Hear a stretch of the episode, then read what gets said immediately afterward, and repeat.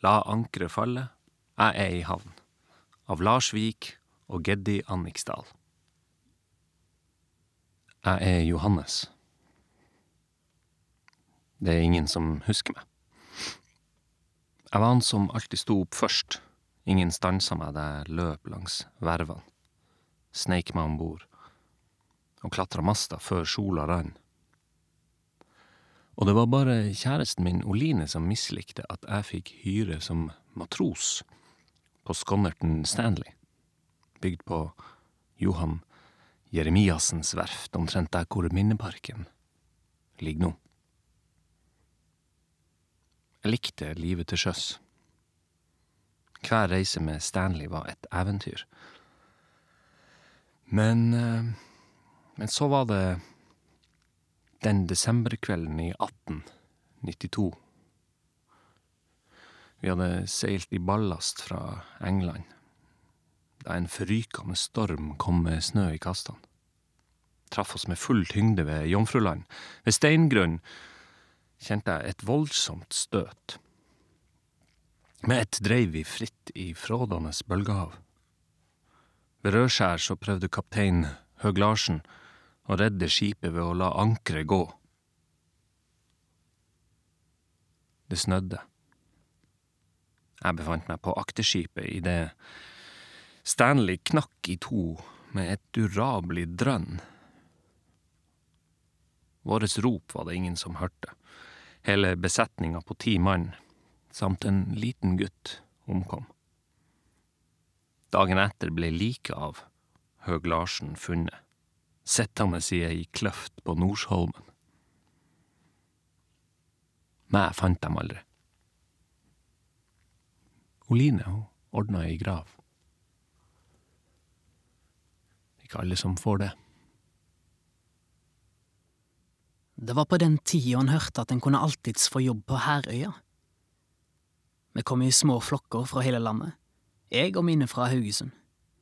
Om hun var ufaglært eller hadde et lite drikkeproblem, eller var litt oppi åra, gjorde ikke noe det. Jeg ble engasjert på dagen, jeg. Og mor var kry for å ha en sønn på selveste vedlikeholdsavdelingen på Hydro. Jeg fikk en caps og et par hansker. Jobben var å rense og slipe en tank. Den var så svær at jeg kunne gå rundt inni der. Jobben var grei nok, den. Skulle bare slipe vekk et gammelt strøk maling, oransje. Jeg gikk grundig til verks. To timer holdt jeg og vinkelsliperen på. Så ti minutters røykepause før en ny totimersøkt. Det ingen hadde sagt noe om, eller tenkt noe på, var at det jeg slipte vekk, var en gammel type mønjemaling full av bly. Noen dager seinere følte jeg meg uvel. Ikke direkte dårlig, bare litt urven. Og så ga det seg liksom ikke. Hun mor maste om at jeg måtte ta en tur til legen. Bedriftslegen sendte meg rett til yrkesmedisinsk avdeling. Der påviste de ekstremt høye blyverdier i blodet mitt. Selv om den slipejobben bare tok et par dager, ble jeg merka for livstid. Bly kan brukes til så mangt. Har du først fått det i blodet, forsvinner det aldri. Til slutt vinner blyet.